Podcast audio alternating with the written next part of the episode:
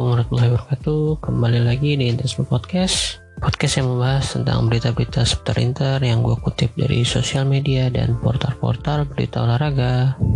Kali ini gue ngetek tanggal 29 April atau hari ke-17 Ramadan tahun ini. Sebelum ditanya sama akun Twitter Inter gue mau jawab duluan. Pemain nomor 17 favorit gue Mungkin beberapa ada yang nyebut Gary Medel, Ian Karamo, atau McDonald Mariga, Angelo Palombo, Fabio Cannavaro, atau bahkan yang paling epic itu Lord Kusmanovic. Tapi kalau gua mungkin akan memilih Filippo Mancini. Ya, dia adalah anak dari Roberto Mancini yang kalau menurut gua ini dia itu adalah pemain titipan ya karena dia main di Inter di musim 2007-2008 ketika pelatihnya itu si Roberto Mancini juga dan ketika Roberto Mancini pindah melatih ke Manchester City, nah si Filippo Mancini ini juga ikut main di sana. Nah berarti kan dia anak tipan ya.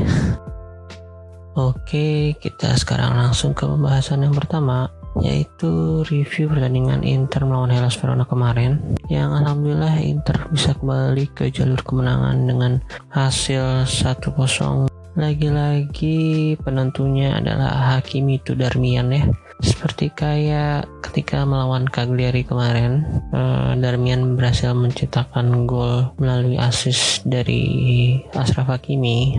Cuman prosesnya kali ini agak sedikit berbeda. Dan yang gue seneng kemarin Hakimi dan Darmian udah berani melakukan tembakan ke gawang lagi setelah kemarin ketika melawan Napoli dan Spezia. Mereka agak takut-takut mungkin Conte dan coaching staff yang lain udah memberi instruksi kalau Hakim dan Darmian berani aja untuk melakukan tembakan langsung. Dan hasilnya dari Darmian dia berhasil mencetakkan satu gol dari satu-satunya tendangan dia ke gawang. Sedangkan untuk Hakimi kalau nggak salah dia menendang ke gawang sebanyak tiga kali dengan satu on target, satunya melebar sedikit, dan satunya dari free kick yang sayang sekali mengenai tiang gawang. Boleh juga ya kalau dilihat-lihat kemarin free kicknya Hakimi. Bisa nih jadiin alternatif kalau Erikson lagi nggak ada di lapangan atau kalau emang Erikson lagi kurang bagus kalau ngambil free kick atau corner kick untuk statistik Inter dan Verona cukup seimbang ya. Shootnya sama-sama 12 shoot, tapi Inter 3 kali on target, sedangkan Verona hanya sekali. Untuk ball possession, Verona sedikit unggul dengan 51 banding 49. Jumlah passing juga sedikit lebih banyak Verona, tapi jumlah foul mereka juga jauh lebih banyak yaitu dengan 13 kali foul Internya 7 kali. Mereka di kali yellow card karena pasti defender yang jaga Lukaku atau Lautaro pasti seenggaknya ada dua atau tiga lah yang mendapatkan yellow card pada pertandingan itu. Kemudian untuk corner si Hellas Verona unggul jauh dengan 8 banding 3. Kekalahan Verona kemarin menjadikannya kekalahan 4 kali beruntun bagi mereka tapi Verona masih bisa bertengger di posisi ke-10 klasmen sementara dengan unggul 10 poin dari zona degradasi yaitu ada Benevento di posisi ke-18 kayak mereka udah cukup aman ya walaupun masih bisa kekejar atau masih bisa terjerembab ke zona degradasi. Cuman uh, beberapa lawan ke depannya bagi Verona mungkin agak lebih mudah dan hanya Napoli yang tim kuat di sisa lima pertandingan Verona besok karena mereka akan ketemu Spezia, Crotone, Torino, dan Bologna. Sedangkan untuk Inter, kemenangan kemarin berhasil memperlebar jarak dengan posisi dua yang kali ini dihuni oleh Atalanta dan Milan langsung turun jauh ke posisi kelima klasmen sementara dengan jarak 11 poin dari Atalanta ini berarti Inter hanya membutuhkan seenggaknya 4 poin lagi untuk mengunci gelar Scudetto musim ini. Untuk man of the match sudah jelas Matteo Darmian ya kemarin berhasil menjadi super sub setelah masuk di menit ke-65 menggantikan Ivan Perisic dan berhasil menciptakan gol di menit ke-76. Selain Darmian, kemarin Hakimi juga main bagus. Cukup bagus lah karena dia udah berani shoot ke gawang dan dua peluang awal Inter kayaknya emang Hakimi ya dua-duanya. Yang satu melebar, yang satu berhasil ditepis oleh Silvestri. Barella dan Lukaku kayaknya beberapa pertandingan terakhir menurun ya. Apalagi Lukaku yang sampai saat ini belum bisa mencetakkan gol. Terakhir kali dia cetak gol kalau nggak salah ketika melawan Sassuolo kemarin. Berarti sampai sekarang dia udah empat kali tanpa gol. Sebelumnya Lukaku juga empat sempat empat pertandingan tanpa gol juga tetapi mengakhiri dreadoutnya itu ketika melawan Benevento dan langsung mencetakkan dua gol. Ya semoga aja lawan Crotone juga besok juga begitu. Kalau Barella entah kenapa ya setelah dia kena suspension kemarin pas balik agak sedikit menurun performanya. Jadi belum kayak Barella-Barella yang sangat konsisten di beberapa pertandingan sebelumnya Nah untuk yang paling flop di pertandingan kemarin menurut gue si Samir Handanovic ini. Karena hampir aja Inter gagal menang kemarin kalau golnya Varona itu disahin oleh si Abiso. Dan tuh si Abiso juga nggak lagi nggak ngeselin ya. Walaupun beberapa keputusannya juga agak aneh. Tapi seenggaknya dia nggak terlalu merugikan Inter kali ini. Sebenarnya Handanovic untuk musim ini nggak terlalu buruk-buruk amat. Karena sudah berhasil mencatatkan 13 kali clean sheet dari 33 pertandingan. Dan hanya kebobolan sebanyak 29 kali. Dan saat ini masih menjadi kiper nomor satu dengan clean sheet terbanyak di Serie A musim 2020-2021 cuma dari tiga pertandingan terakhirnya agak mengkhawatirkan nih. Di tiga pertandingan tersebut Handanovic melakukan tiga kali kesalahan yang cukup fatal ya. Pada pertandingan lawan Napoli dia blunder dengan salah mengantisipasi bola crossing dari Insigne. Terus ketika lawan Spezia dia gagal menepis tendangan yang tidak kencang atau cukup lemah dari Varias dan kemarin di pertandingan lawan Hellas Verona hampir aja membuang kesempatan tiga poin dengan salah antisipasi bola atas ketika berdua dengan Faraoni. Harusnya dia bisa nangkep di atas gitu bukan nunggu boleh jatuh ke pelukannya. Hal ini pasti akan membuat manajemen atau Conte dikit berpikir untuk benar-benar serius mencari pelapisnya atau penggantinya bahkan. Cuman bagi gue sih mungkin untuk satu tahun ke depan Handanovic masih bisa cukup kompeten untuk masih menjadi penjaga gawang nomor satu di Inter. Cuman musim depan harusnya sih pelapisnya ini benar-benar yang siap main gitu. Jadi ketika Handanovic memang lagi underperform di beberapa pertandingan, Conte berani mainin pelapisnya untuk menggantikan sementara dan jadikan lecutan juga bagi Handanovic agar bisa tampil lebih baik gak dikasih kesempatan berikutnya. Nah menurut gue sih Iono Tradu harusnya musim ini udah bisa dikasih sekitar 20% dari minute play jaga gawang ya. Sampai saat ini kan masih Handanovic terus yang main. Harusnya Conte bisa lah ngasih sedikit menit di pertandingan pertandingan-pertandingan yang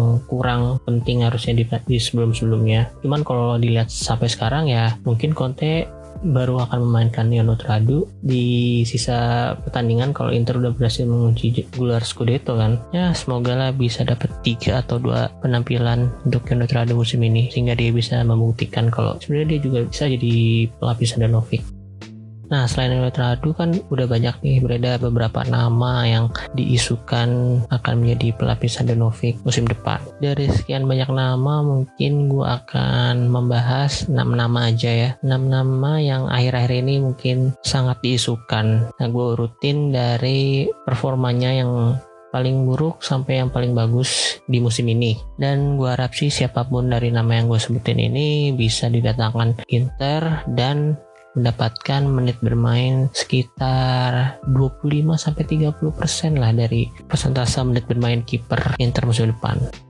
Oke, untuk posisi keenam kita ada Alessio Cranio, kiper Bolonya yang sekarang udah berumur 26 tahun ini. Market value-nya saat ini ada di 20 juta euro. Cranio ini sempat bermain bagus ketika Inter melawan Bolonya di pertemuan pertama musim ini. Refleksnya cukup bagus, cuman emang posturnya yang agak kurang karena tinggi dia hanya 184 cm. Untuk penjaga gawang kayaknya sedikit undersize, minimal jaga gawang 88 atau 190 lah. Selain karena posturnya gue juga kurang setuju kalau si Kranyo ini jadi pelapis Handanovic musim depan. Karena secara harga itu untuk kiper yang kebobolan saat ini udah 50 kali dan cuma bisa mencatatkan 4 kali clean sheet dari 29 pertandingan itu agak pricey ya harga 20 juta itu. Ya walaupun kita nggak bisa lihat dari statistiknya juga karena statistik juga dipengaruhi oleh performa back juga kan. Cuman untuk 20 juta agak pricey lah. Dan namanya juga baru mencuat satu tahun kebelakangan. Jadi kita belum tahu apakah depannya dia masih bisa konsisten dengan performanya sekarang. Dari kabar yang beredar juga Inter katanya udah nggak terlalu tertarik sama Alessio Cranio. Jadi ya semoga aja emang beneran bukan Alessio Cranio yang jadi lapisan Danovic musim depan Lanjut aja kita ke posisi 5 ada Kang Emil atau Emilio Audero penjaga gawang kelahiran Mataram yang baru berumur 24 tahun dan market value-nya saat ini ada di kisaran 10 juta euro. Audero untuk sampai saat ini masih menjadi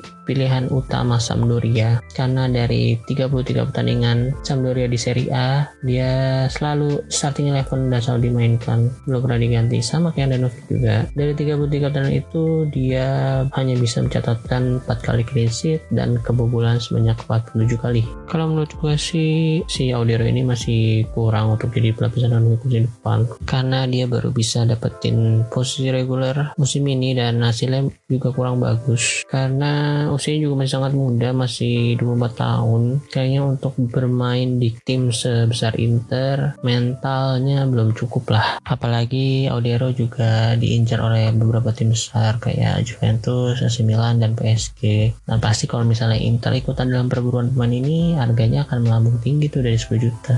Dan pasti ujung-ujungnya sekitar 20 juta. Dan itu pas agak pricey juga untuk kiper berusia 24 tahun Kemudian untuk posisi keempat kita ada Marco Silvestri, pemain yang baru saja menjaga gawang Hellas Verona ketika melawan Inter kemarin. Sama seperti Kang Emil, si Silvestri juga selalu dipercaya oleh Hellas Verona untuk bermain di setiap pertandingan di Serie A. Saat ini udah bermain 33 kali, dan clean sheetnya udah 7 kali dan kebobolan sebanyak 41 kali. Secara postur dan refleks, Silves ini cukup bagus. Mungkin bisa jadi salah satu faktor juga kenapa si Hellas Verona saat ini berada di posisi ke-10 klasmen sementara Serie A. Cuman kalau dilihat-lihat masih di ambang standar ya performanya nggak terlalu spesial. Ya hanya di beberapa kali pertandingan dan saat lawan Inter pertandingan pertama tuh dia juga cukup bagus refleksnya cuman kemarin sebenarnya gol dari Dargan itu mulanya nggak terlalu susah cuman memang agak terhalang. Dan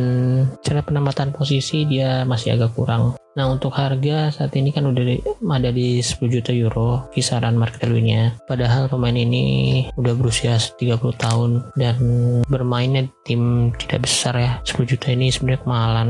Cuman kalau Inter bisa bergen di sekitar 5 sampai 7 juta masih worth it sih Silvestri untuk jadi pelapisan dan musim depan. Kenapa? Karena ya usianya udah cukup matang dan udah beberapa beberapa kali main di Serie A juga beberapa musim dan bisa bisa lah untuk main sekitar 20% menit Nah, nama selanjutnya di posisi keempat kita ada Juan Musso. Nama ini adalah nama yang paling santer atau nama yang paling panas diusukan dengan Inter. Dan kabarnya juga Inter beberapa kali udah mengajukan tawaran ke pihak Udinese. Cuman ya beritanya masih sering disangkal-sangkal oleh kedua belah pihak. Juan Musso ini saat ini udah berumur 26 tahun dan market value-nya ada di sekitar 20 juta euro. Sama kayak Kranyo juga umur dan harganya cuman secara statistik dan performa kayaknya memang masih lebih bagus Musso karena saat ini dia udah berhasil bermain 31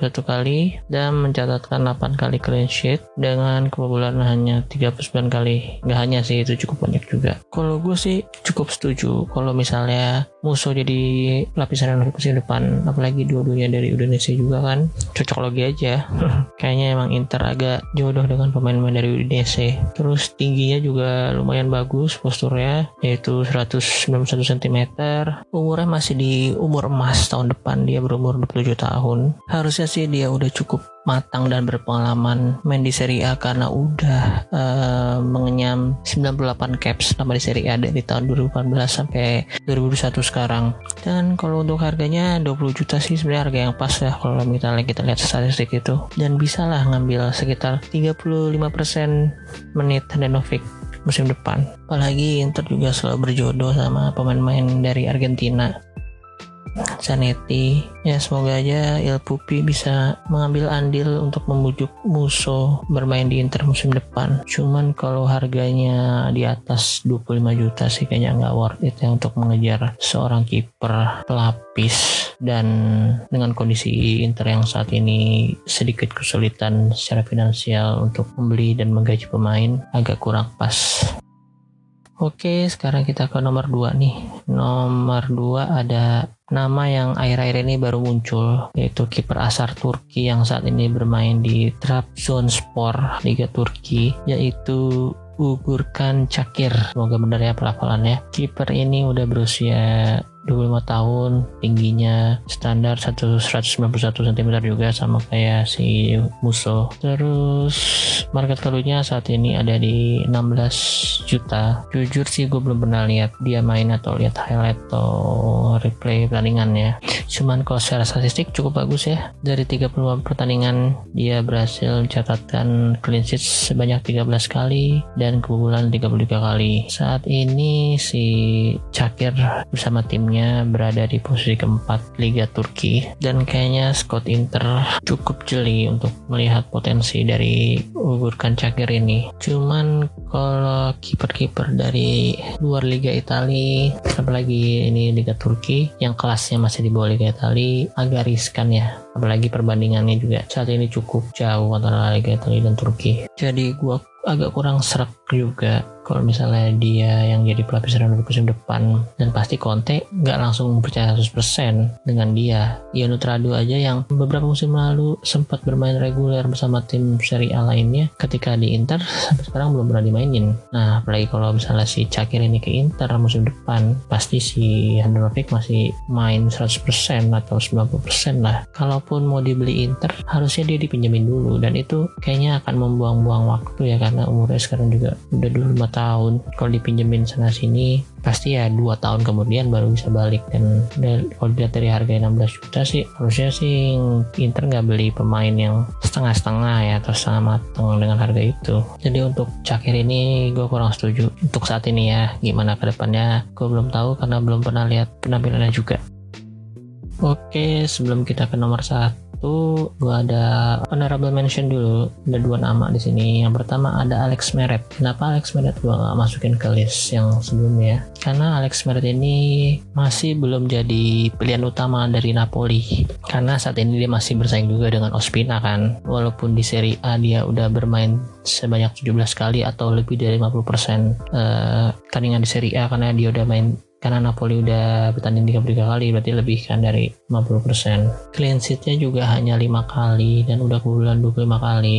Padahal total Napoli baru kebobolan 37 kali. Berarti hampir hampir 70% ya Napoli kebobolan saat si Meret ini main. Dan Ospina kebobolannya lebih dikit berarti hanya 12 kali dan harganya saat ini ada di 20 juta euro. Sebenarnya harganya sih masih sosok lah masih fair lah untuk kiper uh, 24 tahun. Tapi kayaknya sih Napoli nggak bakalan mau melepaskan pemain atau apalagi pemainnya masih muda dan bagus juga sebenarnya ke Inter. Karena Napoli juga pasti berambisi untuk jadi juara atau seenggaknya berkompetisi di empat besar Serie A musim depan. Terus Ospina juga ya udah berumur juga kayaknya beberapa tahun lagi dia masih sanggup bermain di Serie A-nya. Dan untuk honorable mention yang kedua main ini nggak main di liga besar sih sebenarnya. Cuman gue cukup suka sama penampilannya apalagi dia dua kali clean sheet ketika menghadapi Inter musim ini.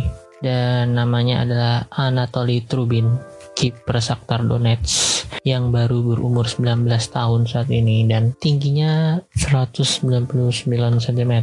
Di Liga Domestik Ukraina, Trubin bermain udah sebanyak 18 kali dan 8 kali clean sheet dan hanya kebulan 14 gol. Catatannya cukup bagus ya. Trubin ini sebenarnya udah berhasil menjadi pilihan utama pelatih Shakhtar Donetsk untuk di liga domestik karena berhasil mengungguli kapten Shakhtar yaitu Piatov yang merupakan penjaga utama musim lalu. Piatov saat ini baru bermain 4 kali di liga sedangkan Trubin udah 18 kali. Harganya juga masih considerable ya. Market value-nya saat ini di 7 juta euro. Sebenarnya sih worth-nya di angka 5 sampai 7 juta untuk pemain ini kayaknya karena masih muda dan postur dan statistiknya juga bagus.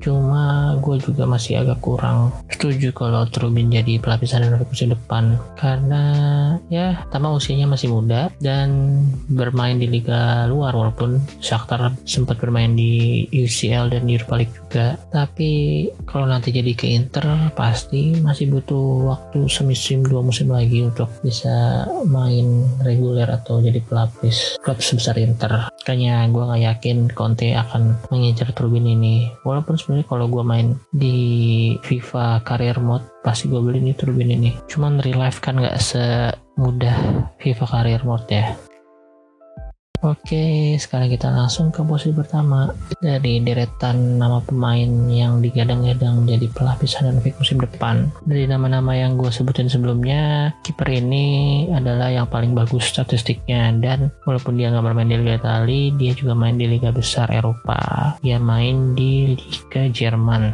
dan klubnya itu RB Leipzig namanya adalah Peter Gulaski. Nah, Peter Gulaski ini sejauh ini udah bermain sebanyak 31 kali atau selalu menjadi pilihan utama Nagelsmann di Leipzig dan clean sheet-nya udah berhasil mencatatkan 15 kali dan baru kebobolan sebanyak 25 kali. Nah, itu catatannya cukup bagus ya. Lebih bagus dari Handanovic musim ini malah. Handanovic baru clean sheet 13 kali dan 29 kali kebobolan. Dan kan si Gulaski 15 kali clean sheet defisit dan dua kali kebobolan walaupun kayak bisa dibandingkan apple to apple juga si Eropa Liga Jerman dan Italia walaupun sempat dibuang atau nggak kepake di Liverpool si Gulaski ini bisa bermain konsisten selama di RB Salzburg dan RB Leipzig dan berhasil membawa timnya saat ini di posisi kedua dan hanya terpaut 7 poin dari Munchen walaupun kayaknya tetap Munchen yang juara musim ini. Kayaknya ya karena pertandingan sisa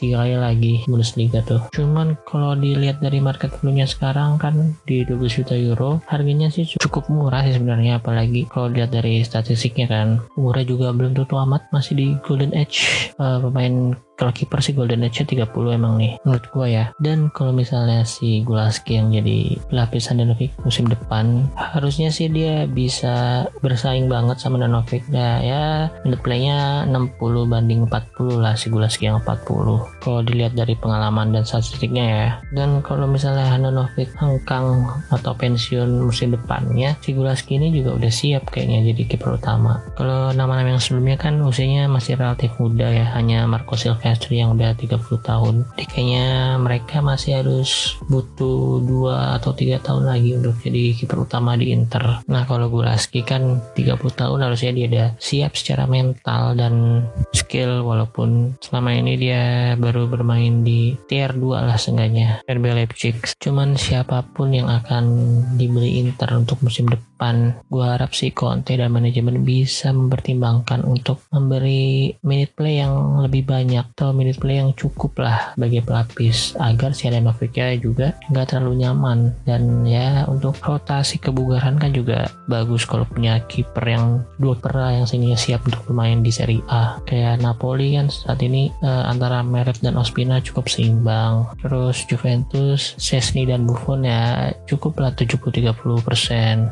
Menurut gue sih tim juara atau tim yang mau juara baik di liga domestik atau bahkan Liga Eropa seenggaknya harus punya dua kiper yang siap ketika dibutuhkan. Kalau dari nama-nama tadi sih yang gue setuju itu uh, Marco Silvestri kalau harganya murah, Juan Musso dan Peter Gulaski. Kalau teman-teman mau kasih opini juga boleh langsung tulis aja di reply komen kolom atau ada nama-nama yang di luar nama yang gue sebut tadi juga boleh kalian tambahin misalnya kayak Donnarumma atau Matia Perin itu kan juga nama-nama yang sempat diisukan diincar oleh Inter ya ya boleh juga kalian kasih opini di kolom reply Oke, sekian aja untuk pembahasan 6 deretan nama calon pelapis Handanovic musim depan.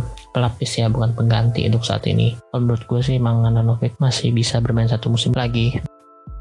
Selanjutnya gue akan sedikit membahas preview pertandingan Croton versus Inter yang akan bertanding di hari hari Sabtu Sabtu jam 11 malam waktu Indonesia Barat. Seperti yang gue sampaikan sebelumnya, kalau Inter hanya butuh 4 poin lagi untuk mengunci gelar Scudetto musim ini. Tapi Inter bisa mengunci gelar Scudetto kalau menang lawan Crotone besok dan Atalanta gagal menang melawan Sassuolo besok. Tapi kan Inter main lebih awal daripada Atalanta ya. Atalanta baru main hari Minggunya jam 8 malam. Kalaupun Inter menang lawan Croton, Inter masih harus menunggu nih hasilnya Sassuolo Atalanta. Dan kayaknya agak sulit bagi Sassuolo untuk bisa menang lawan Atalanta walaupun besok mereka main di kandang. Karena di beberapa pertandingan ke belakang ketika Atalanta melawan Sassuolo itu Atalanta selalu menang di lima pertandingan terakhir. Eh enam pertandingan terakhir bahkan. Dan skornya itu telak-telak banget. Yang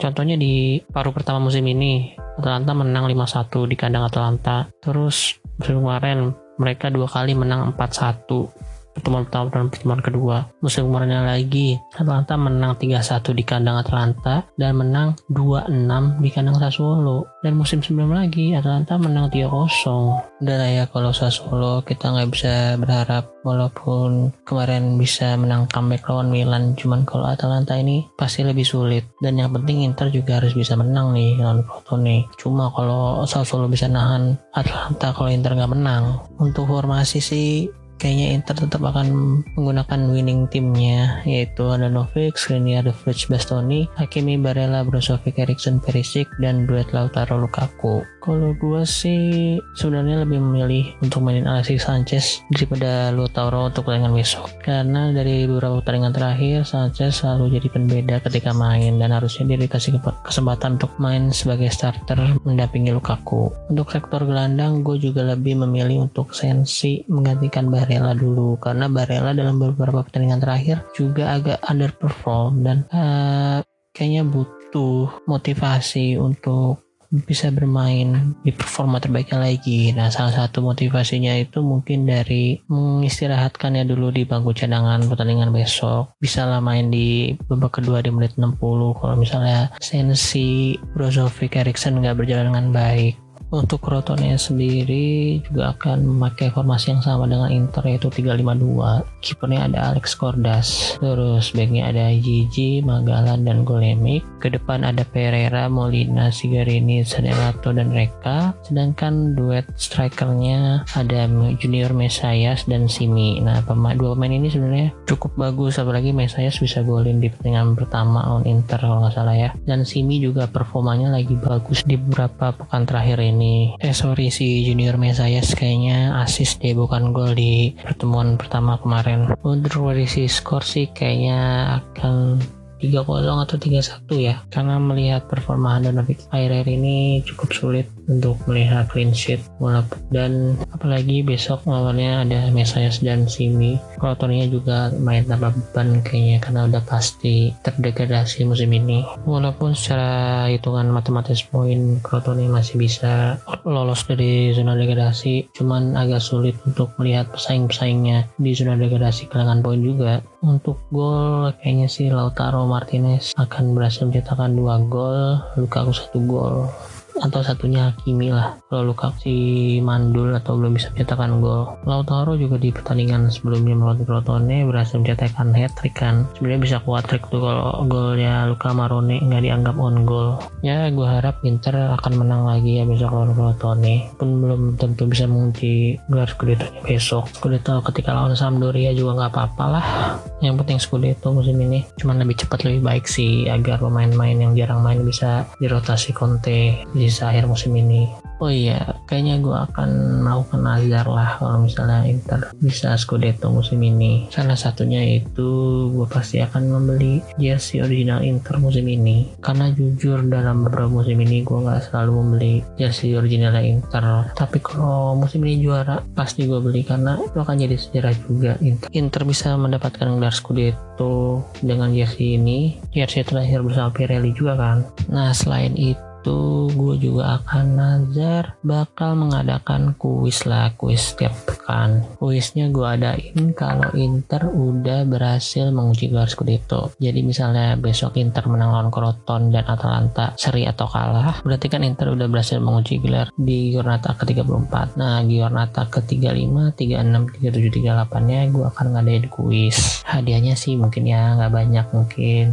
OVO, GoPay atau pulsa senilai 50.000 per pekannya. Untuk mekanismenya sih, untuk mekanismenya sih gampang lah. Mungkin akan gue pikirkan besok. Yang jelas sih itu yang akan gue lakukan kalau Inter juara musim ini. Gak muluk-muluk kan sebenarnya. Ya cuman kalau Nazar kan emang harus yang bisa kita tepati atau kita lakukan. Jangan yang sulit-sulit amat juga. Kayak kalau Inter juara gue mau beli saham Inter.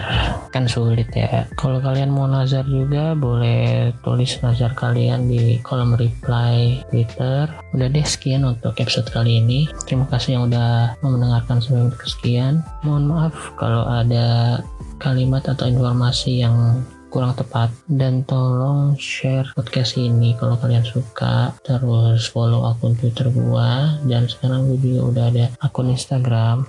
Kalau akun twitternya di interisme media karena gue tadi mau tulis interisme podcast cuman nggak cukup ya. Jumlah hurufnya kebanyakan kalau di twitter. Cuman kalau di IG IG-nya ada di interisme podcast karena cukup. Batasan karakter lebih banyak kalau di IG dan kalian boleh share di instastory story kalau kalian dengerin podcast ya Spotify kan bisa share di story itu oke sekian. Sekali lagi terima kasih dan selamat menjalankan ibadah puasa bagi semua teman-teman muslim Arrivederci Forza Inter